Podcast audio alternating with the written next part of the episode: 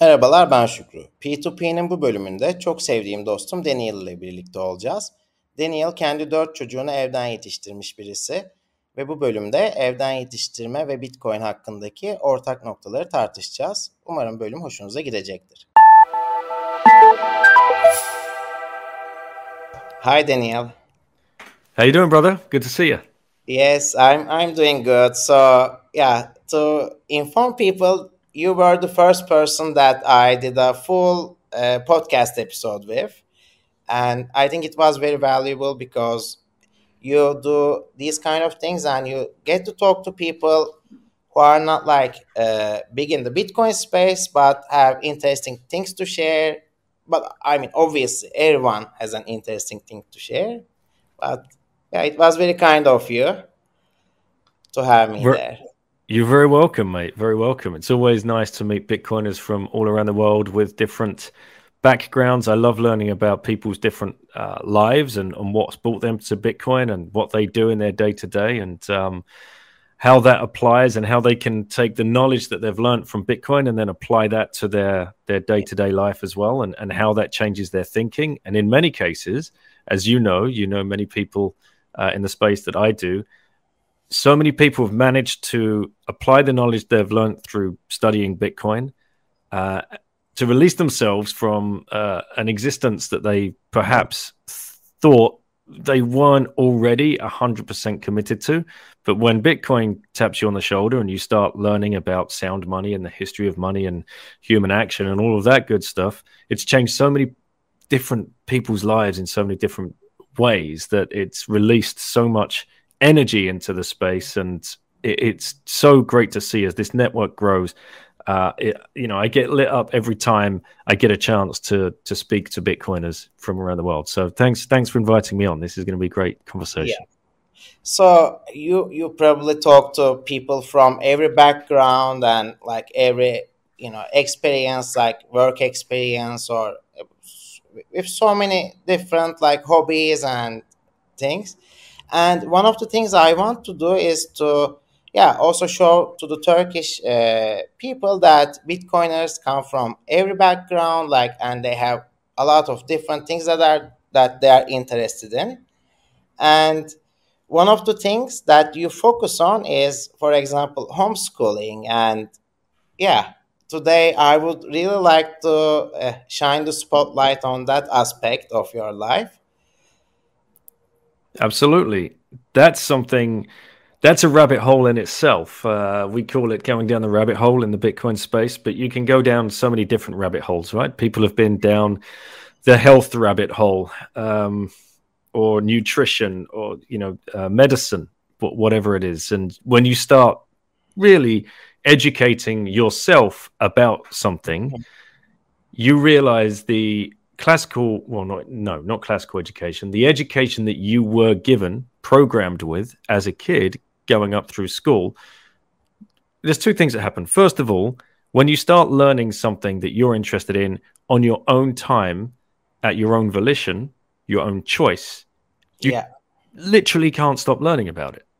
You're listening to podcasts you're reading books you're reading articles you are scratching around the deepest, darkest corner of the internet just to find any more information on this certain topic. Pick a cho- pick a topic, whatever it is that you're interested in, and then you suddenly realize, whoa, anything I was ever taught about this before, if anything at all, was really superficial or mm-hmm. just wrong, just completely wrong, and I fell down the the homeschool rabbit hole when my wife and I decided that uh, we wanted to take our kids out of school and travel the world with them, mm-hmm. um, and that came about because I had just had enough at work, and this is before I'd even found Bitcoin. I used to work in financial markets. I lived in Singapore for 15 years, originally from London. So I moved from London in 1999 to Singapore. Spent 15 years in financial markets, in foreign exchange around the dot com bubble era. Right. Yes. Uh, but that that uh, there, yeah, that was a weird thing because everybody at that point was watching equities, uh-huh. 99, 2000, 2001, and I was working in foreign exchange. Hmm. Uh, so even the foreign exchange brokers and traders were watching equities because that was the biggest story in town, and that's yeah. how everybody thought they were going to get rich overnight. Uh, you know, the, the, classic pump and dump scheme, uh, you know, applied to uh, a whole sector. Uh, so I had worked for 15 years in financial markets, in foreign exchange.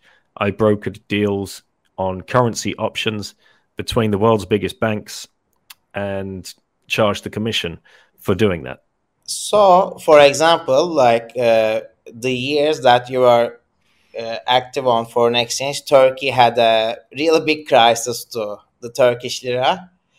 Do you remember like dealing with Turkish lira, or was it just like not important? No, I, I was. Um, it was definitely uh, one of the lesser traded currencies in mm-hmm. in Europe, but because I was based in Asia, my focus was dollar yen, uh, mm-hmm. and um, well, uh, the, the, euro to yen, and all of the Chi- um, not Chinese Asian currencies. So oh, the the, the renminbi. Yeah. Yeah. Malaysian ringgit, Indonesian rupiah, Hong Kong dollar, Taiwanese dollar. Uh, so all of these uh, would change, um, would, would trade against the US dollar, obviously, uh-huh. uh, and that's that's where we were doing most of our most of our trading. So I do not remember the the Turkish lira blow up. Yeah, I'll tell you a fun fact. By the way, like a lot of uh, that they call it the Japanese housewives used to invest in Turkish lira a couple years ago because the yen is like gives a negative interest. Basically, it's deflationary, mm-hmm. and Turkish lira had interest and it wasn't as bad a couple years ago so yeah a lot of japanese housewives also suffered from turkish lira in recent years you're kidding so they were they were exchanging their yen for lira yeah to try and capture the, carry trade is what we would yeah. call that uh, yeah, on, the, on the different trade. right okay like four years five years ago it was kind of popular amongst the japanese housewives they say but madness yeah, it's All right. Great. So okay. yeah, I, had been doing that for 15 years. Uh, no, 18 years in total. And I read a book called The Four Hour Work Week by Tim Ferriss. I wanted to quit my job uh, because that book made me realize I was just a hamster on a wheel, mm-hmm. and I was just a um, a tiny cog in a huge machine, mm-hmm. and I was expendable at any point. Yeah, literally any point. And I'd seen guys walked off the desk and never come back in my own office. And I turned up some mornings to find out some customers had been removed from their jobs. So once I realized I was that small cog in a huge machine and expendable, I figured, why don't I take this into my own hands rather than just sit here with a target on my back? Uh-huh. Because this could happen any day. And yeah. I was 37 at that point, considered old in the um, in the industry uh, because it's all about bringing in the young 20 year olds and just churning through them without a care. Ambitious and long hours. Yeah. Yeah. Oh, yeah. Absolutely. Uh, so I quit and we took, we, we sold everything, pretty much everything that we owned. We gave the keys back to our, our house to the, uh, the landlord, said, We're done. We're, we're gone. Yeah. So we took the kids out of school. We had four kids, aged eight, six, and three year old twins and we started to travel. Um, and then all of a sudden, the education you know, th- that burden was on us. Mm-hmm. Uh, it wasn't. Um, it wasn't a, a, case of just get them out the door at seven thirty a.m. in the morning and, and, into the clutches of the uh, the education system. Uh, and when I saw the difference that made to everybody, uh, it's very difficult to begin with, but then over time, um, you see the difference it makes to everybody and the way that um, different people learn in different ways. Even your own kids, even my own twins, twins. Yeah. You'd think they'd learn the same, right? No, no, no, no. completely, completely different. So that took me down um, a very, very uh, deep rabbit hole of, you know, the education system, how we learn, why we learn, and then I found mentors to to follow in their footsteps whether that would be Sir Ken Robinson. His TED talks are amazing. Um, yeah, rest John. Yes, yes, rest in peace. And for for your listeners, I do have an interview with Sir Ken on my on my podcast. If they do want to go back and check that out, um, so I also have an interview. faster uh, faster than me. I was going to ask you about Sir Ken Robinson interview as well because it, I'm okay. I went to college and everything, blah blah blah, but I didn't really do it because I wanted to do it because mm-hmm. the society kind of pushed for it and I remember listening to the original TED talk by Sir Ken Robinson, and it's like, oh, this is what I'm also thinking. So I think more people should give a listen to it, and also like your interview with him is amazing as well. That that uh, that um that TED talk that you're referencing is called "Do Schools Kill Creativity," okay. and it was released in 2006 and it's still the most downloaded and watched TED Talk of all time. I think um, it's one of the speeches that made TED TED. Yeah, like really popular popularized it. So he he absolutely nailed it. Um, and yeah, you know, kudos to Sir Ken for opening my wife and my own eyes to um, to just questioning. Just yeah. that's all you got to do. First of all, you just got to question it like what is it for uh, the education system? Um, and then other brilliant authors peter gray um, he wrote the book free to learn has also been on the podcast so listeners to this can can go and find that episode. I'll uh, links to those episodes as well so if people want to listen they can have easy access to it. They don't have brilliant. to search through it. Yeah. Uh, john taylor gatto uh, another rest in peace, unfortunately. Uh, John Holt was very prominent uh, back in the um, 70s and 80s, mm-hmm. talking about exposing the education system, in, in fact, and talking about how uh, how important it is to let your children um, find their own passions in life and learn at their own speed, mm-hmm. rather than be you know forced into a classroom of 29 other kids that they probably don't even like yeah. uh, and sit down and learn straight for seven hours a day uh, you know in the in the most ridiculous of um, of settings. Sat down straight back all dressed the same. Generally especially in the uk now i don't know what it's like in turkey but oh, everybody's wearing uniforms as well. Right it's so communist. It's ridiculous I mean, one of the you know what's one of the craziest things for me is like you have to choose a school. You cannot choose your teachers or whatever. Like you go to a mm-hmm. school and the school assigns you teachers or your kid teachers, and yeah, like it's it's just in life.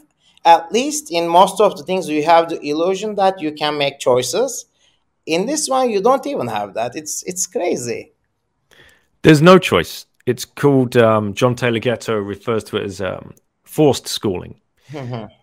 uh, because it, it, it's it's so um, insidious the way that it's been really brought about since like the late 1890s uh, that this idea that the only way that you're going to achieve anything in life is mm-hmm. if you go through this linear process mm-hmm. of walking through your nearest school's doors. Generally, this is what's ha- what happens. Generally, it's just the nearest one. Uh, we can get into private schooling and all of that a little bit later. Um, but generally, it's the nearest. What's the nearest school? And if you back up one more, when you're when you're having kids, you have all of this pressure on you as a parent mm. to start looking into moving to a new house one because you might need a little bit of extra room but two yeah. because you want to be near the best school true that's actually true uh, for example for my uh, elementary school i we had to show that i was living in my grandmother's house because it was a little right. bit closer than ours and i would be in that certain public school you know yeah, it, we, we, it's referenced as the sphere of influence in the UK. So somebody literally draws a circle around that catchment area, and if your home falls within inside that arbitrarily drawn circle, then your child is able to go to that school. So anything just outside of that circle either has a higher or lower price depending on how good that school is, right? So now you're just messing around with real estate prices mm-hmm. on the back of on the back of uh, state, state education. Order of effects are usually like so under considered, but there's a definitely there is one here. It's completely uh, yeah, it, it, it's it's complete nuts, yeah. Uh, and so what what we get uh, fooled into believing is you know you have to go to school to be able to socialize. Mm-hmm. That's the first thing homeschoolers get accused of yeah. you know you, are not allowing your children to socialize. How will they ever socialize? So again they're getting um, mixed up with the definition of the word socialize. You know it's like they get the 10 minute breaks and it's socializing yeah, yeah. so what, what's actually happening that is forced association. It's not socializing. Mm-hmm. forced association with people you may or may not even want to spend any time with a yeah. You have no choice. That the first day that you turn up, you are segregated by age and mainly, um, maybe even by uh, alphabetical order. Mm-hmm. If there are too many kids, you know, let's say let's say a thousand kids turn up the same age, they've mm-hmm. got to be split up into several different classes. That mm-hmm. might just be done alphabetically. Yeah. Like this isn't socialization. No. Like, not not the not the way we understand. I mean, can you imagine parents being forced to stay in the same room with their kids' classmates' parents for like two weeks or whatever? Like, nope. Yeah. Doesn't it, it? It's complete nonsense. So so what's what's happening is um, there is no socialization going on that um, we think in, in that definition of the word. What's going on is kids are being socialized.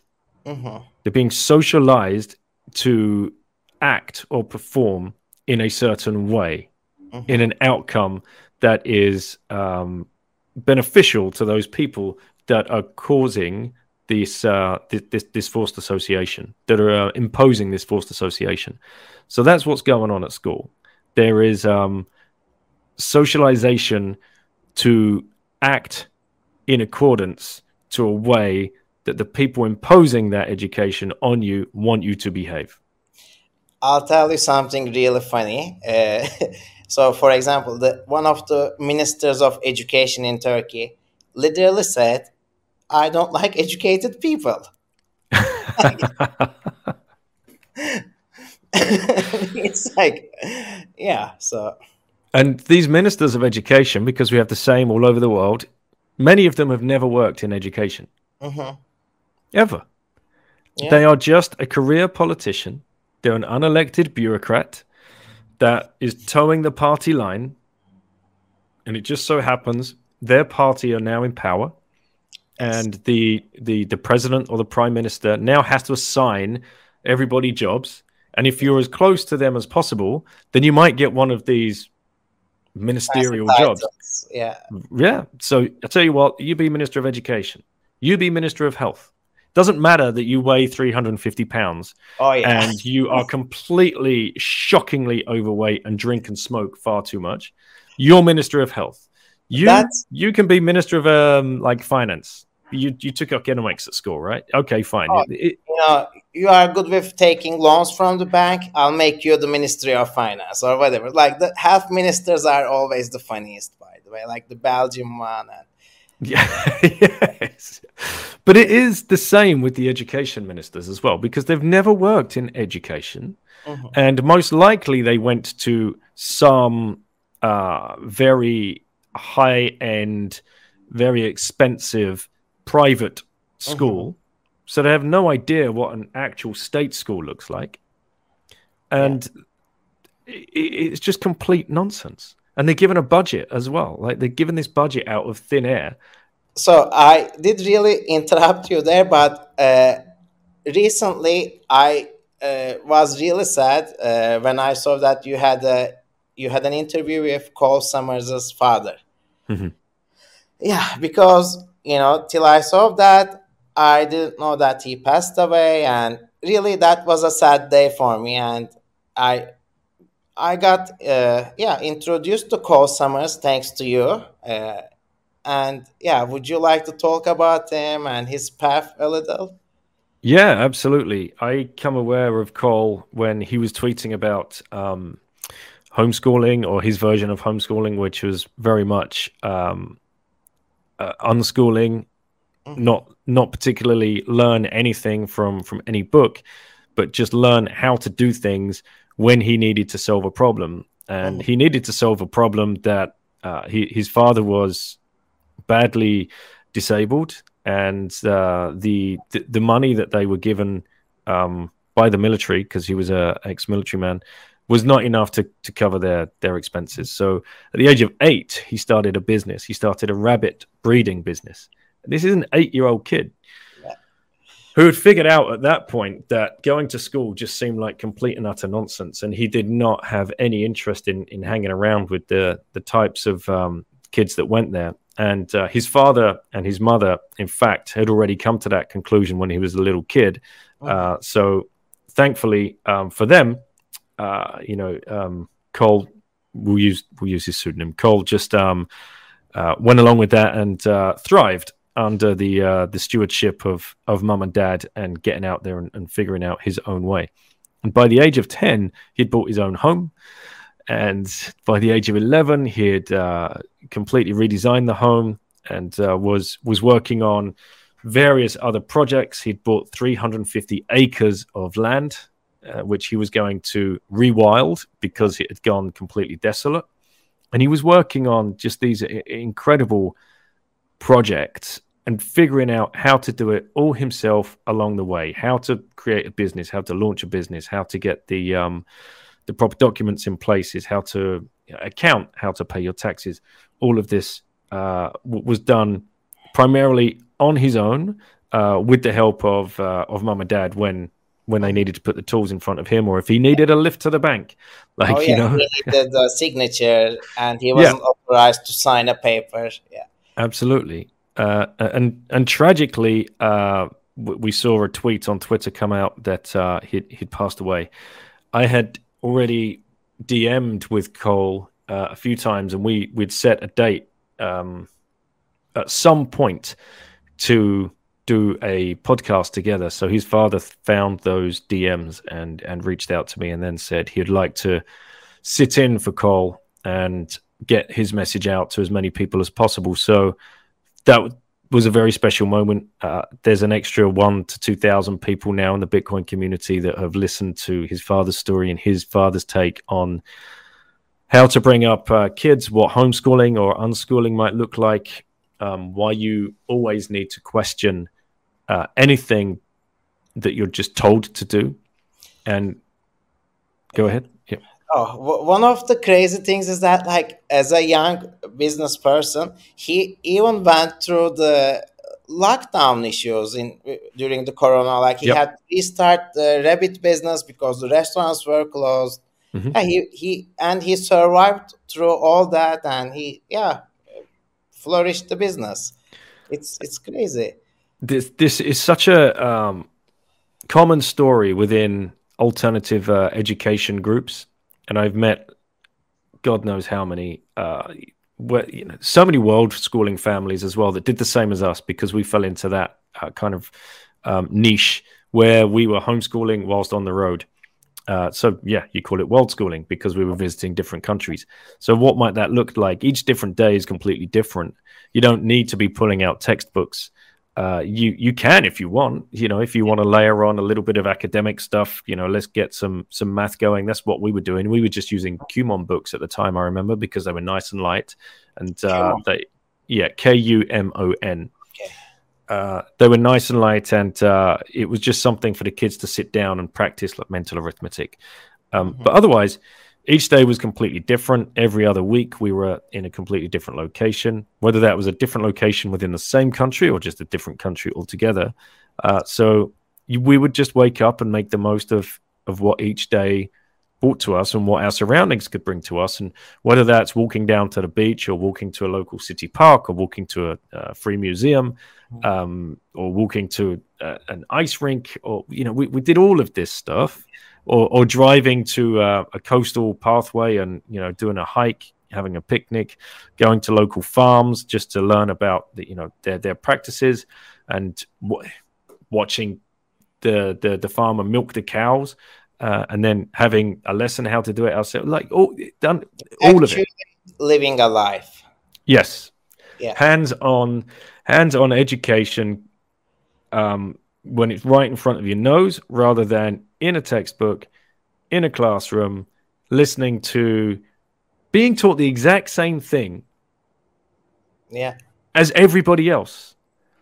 Yeah. If we know anything about human action or or um, or building a team or building a business, anything at all, what do you want? You want a diversified team with a diversified skill set. Actually, diversified, not like diversified because they are from different ethnic groups and raised by the same system. Mm-hmm. Actually, mm-hmm. uh, people that try to solve different problems with different tools and excel in different areas for whatever reason, just because that comes naturally to them. Yeah.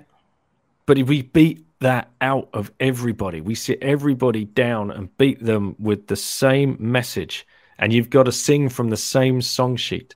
Uh, like history is a classic classic example. Like the, the way we're taught history uh, is so nationalistic in every different uh, state education, but that's what that whole cohort of kids are going to grow up believing happened. Yeah, we are taught to, we are taught our enemies. Like these are your enemies. These you had con- we had conflicts with. You know, it's for me. People are people. They are individuals. Like for example, like there's the Greek island somewhere over there. Greek people and Turkish people are culturally so similar, and they really get along well without the yeah, politics or history involved. So, yep.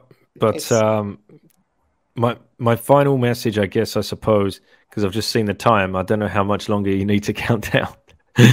but uh, the I, I, just want people to understand that um, in most cases, in most countries, there is a choice for you, and you've just got to start looking at that choice uh, state education might not be for your child.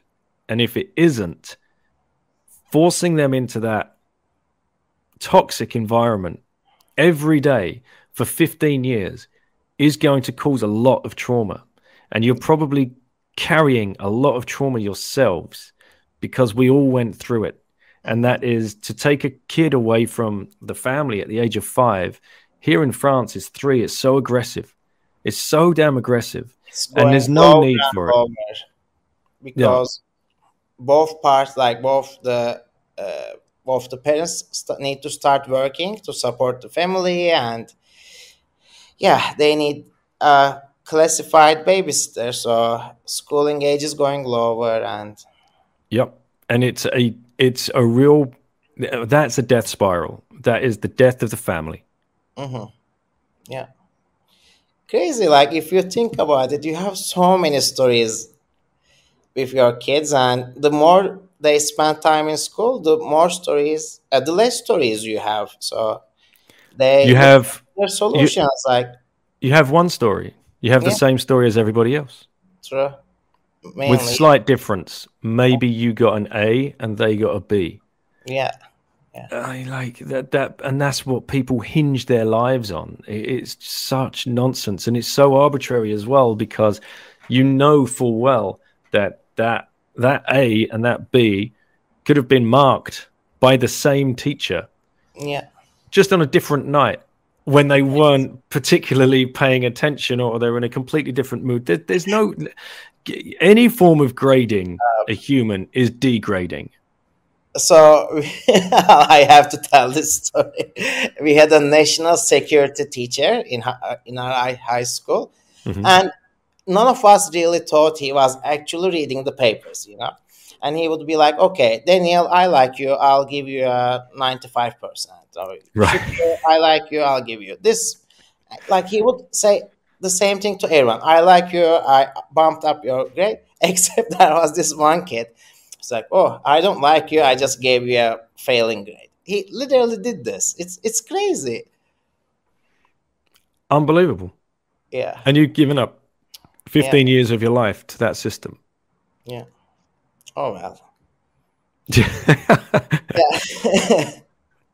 also so please find- one more thing i think that's also important like okay this program is mainly about bitcoin the reason why i think homeschooling and bitcoin kind of goes along is because of the sovereignty Mhm. like would you like to also give a yes couple of yes th- there's this is exactly what I've seen as well. Because I, I came to Bitcoin um, later than I found homeschooling. What I the, the feeling I found from homeschooling was um, the a sense of responsibility, self sovereignty. Um, we separated education from state. yes It was only natural, therefore, I believe that I was going to find Bitcoin Mhm. because Bitcoin separates money from state, and that gives you back the power over your own finances and over your own decisions and over your own future. The same with education. You take the power away from the state of force feeding your kids what they believe that they should be knowing and um, be applying to the, the rest of their lives. You take that power away and you you take the power. And the, we we've we've been called many times irresponsible parents because we homeschool. And this is um, another thing that happens to anybody that does this. Anybody that makes this decision to take their child out of the education system, you get called an irresponsible parent. Yeah. Whereas the absolute opposite is true. What you're doing is taking full responsibility now. Like it's on you now. If you have made that decision, that's scary. And that will keep a lot of people in the education system because they don't want to take on the responsibility because they've been brought up themselves through the education system where responsibility is always farmed out, always farmed out to the state. You take on responsibility. You have total ownership now over the education of your kid. That is the that is too scary for most people, but it's so freeing. And when you understand uh, from a deep uh, level, like the the unbelievable opportunity that that's going to offer your your kids in 15 to 20 years time when they hang when they can think critically when they can actually socialize with anybody of any age of any color of any creed of any religion because they haven't been just boxed in with the same looking people for the last 15 years. Even with kids who their surnames are farther away in the alphabetical order. Imagine. Even with those kids. They could socialize with those kids.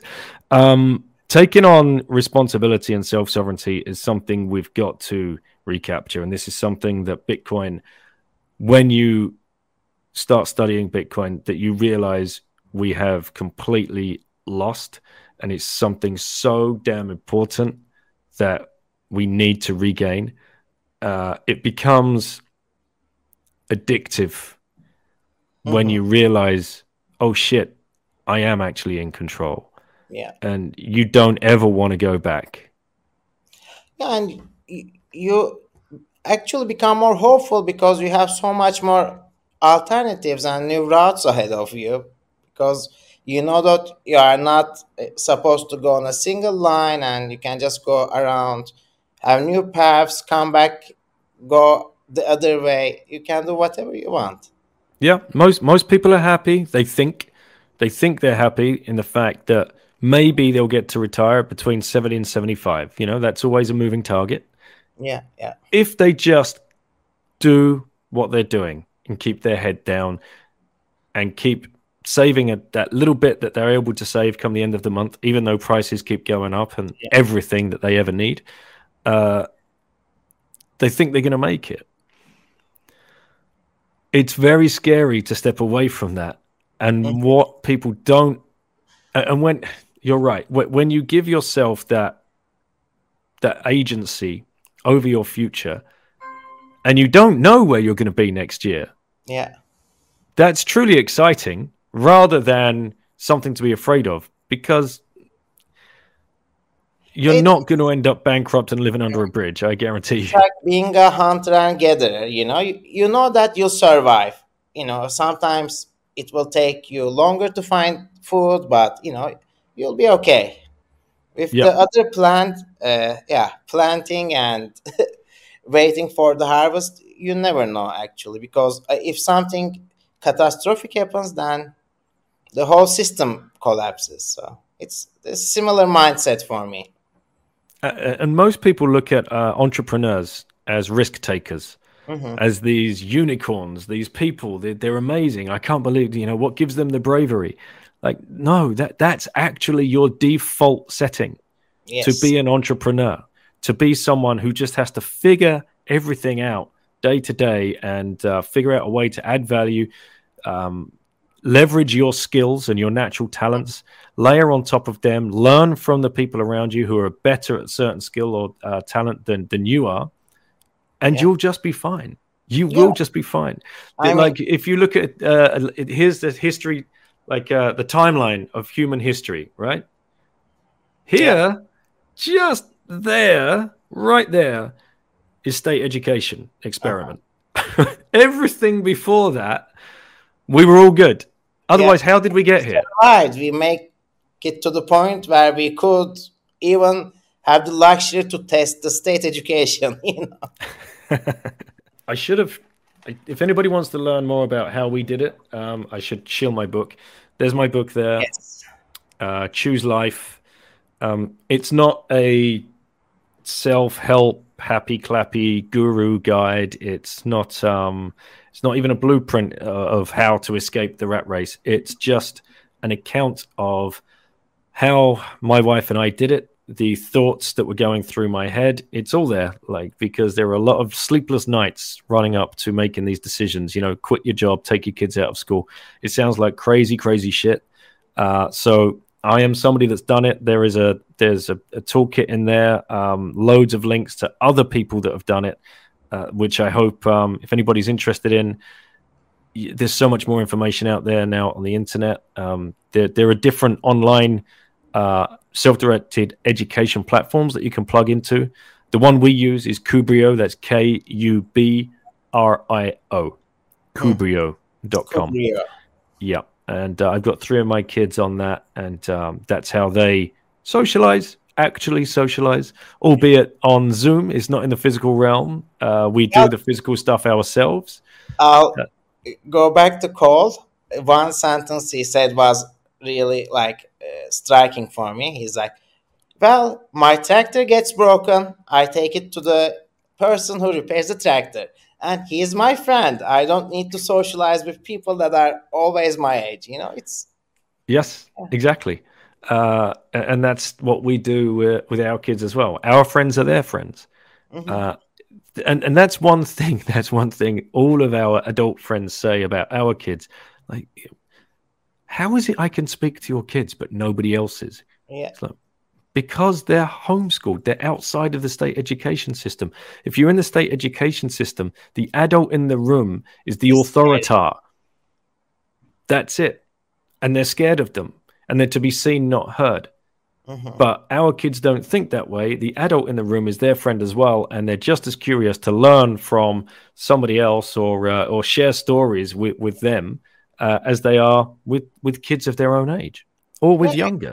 They may even get better stories out of people because they are not worried about asking questions to to them. You know, like even me and a random person that's my age, I would be like, oh, is it socially awkward to ask about this? But they wouldn't. They won't be like that. It's the programming is deep. Yeah. Uh, it, and that's a very good thing. A, a, very good point about questions. You're taught in school that asking questions is a weakness. Mm-hmm. You, it's inferred at the very least, but it's also don't interrupt the class because I'm trying to explain to everyone. And if you don't get it, little Johnny, put your hand down because everybody else around you is getting it. Whereas everybody else, every, everybody else around them is not getting it they're just too afraid to raise their hands to show weakness. Mm-hmm. Whereas if you flip that on its head, we know in the Bitcoin space, asking questions is a strength. Yes. Keep asking. Keep asking that question until you find the right person that can relay it to you in the best possible matter. This is why Michael Saylor is so important to uh, Bitcoin education. He he comes along. He, he, we're all talking about the same thing, but he just is expressing it in a different way and that yeah. is resonating with so many different people on a different level Uh, so keep asking questions. Uh, you know that is a that is a weakness. Um, excuse me, that is a strength, not a weakness.